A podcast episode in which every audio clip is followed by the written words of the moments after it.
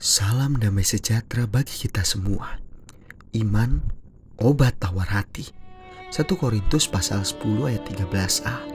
Pencobaan-pencobaan yang kita alami ialah pencobaan-pencobaan biasa yang tidak melebihi kekuatan manusia.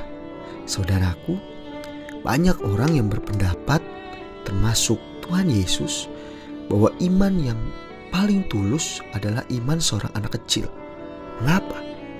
Karena dengan imannya, seorang anak kecil melakukan apa pun dengan tulus.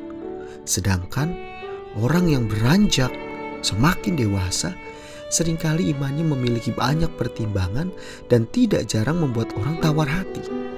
Apa itu tawar hati?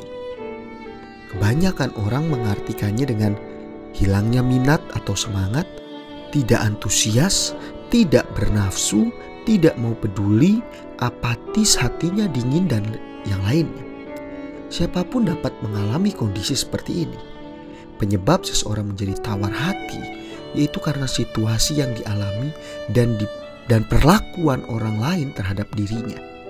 Keadaan yang tidak sesuai dengan harapan memang menyesakan. Apalagi ketika situasi itu menekan dan persoalan yang dihadapi sulit untuk terselesaikan. Tidak jarang hal ini menjadi penyebab seseorang menjadi tawar hati. Namun, selain karena situasi, perlakuan orang lain di sekitar kita juga dapat membuat seseorang menjadi tawar hati. Apa saja yang orang lain lakukan atau perbuat kepada Yesus dan Paulus bisa saja membuat mereka menjadi tawar hati. Bagaimana tidak? Saudara Yesus sendiri menganggap perbuatan Yesus menunjukkan bahwa ia tidak waras lagi. Begitu juga dengan Paulus yang dianiaya, ditindas dan dihempaskan oleh banyak orang yang tidak suka kepadanya. Orang dengan tawar hati akan kehilangan gairah dalam hidup.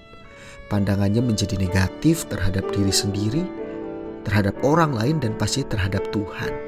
Ia cenderung menarik diri dan tidak mau peduli dengan lingkungannya.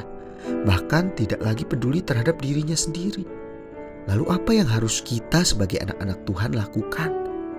Untuk menghindari yang namanya tawar hati. Berimanlah, karena dengan imanlah, iman adalah obat anti tawar hati. Iman itulah yang membuat kita dapat tetap percaya kepada janji Tuhan, kuat menghadapi berbagai keadaan hidup, dan berpengharapan kepada kasih Tuhan.